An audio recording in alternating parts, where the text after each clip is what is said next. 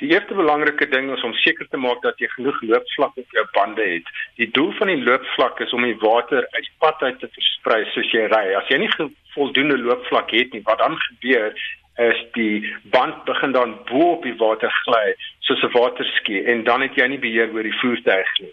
So dis die eerste ding, maak seker jou loopvlak is voldoende op al jou bande. Tweede dinge ding is om seker te maak dat jou spoed korrek is vir die omstandighede. Hoe meer water daar op die paai lê, hoe meer geneig sal die bande wees om te begin skiet soos ek pas beskryf het. So verminder jou spoed as die paai baie nat is. En die derde ding is handhaaf die regte volgafstand. Op in goeie onder goeie toestande as dit droog is, moet jy ten minste 2 sekondes handhaaf van die voertuig wat voor jou ry. Dit gee jou 'n sekonde om te reageer as iets fout gaan en nog 'n sekonde om uit die pad uit te beweeg Maar as die pad droog uh, nat raak, kan jy nie so vinnig rem trap en uitswaai nie. So dan moet jy jou volgafstand nog langer maak as jy 120 op 'n nat pad ry.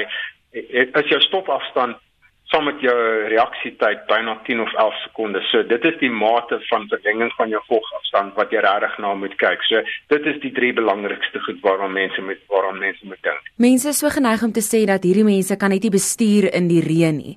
Is dit die geval? Ek dink die, die eintlike probleem is nie dat mense nie kan bestuur as dit nat weer is nie. Dis dat as dat hulle aanhou bestuur asof die weer nog droog is. Hulle neem nie in ag dat jou stopafstand baie langer is, dat jy nie so hard kan uitswaai soos wat jy op 'n droë pad sou kon doen in die sneeu. So dit is die ingesteldheid van die gemiddelde bestuurder wat nie ag neem van die feit dat die toestande waaronder hy bestuur wesentlik verander het nie en dat hy nog nie daarbey aangepas het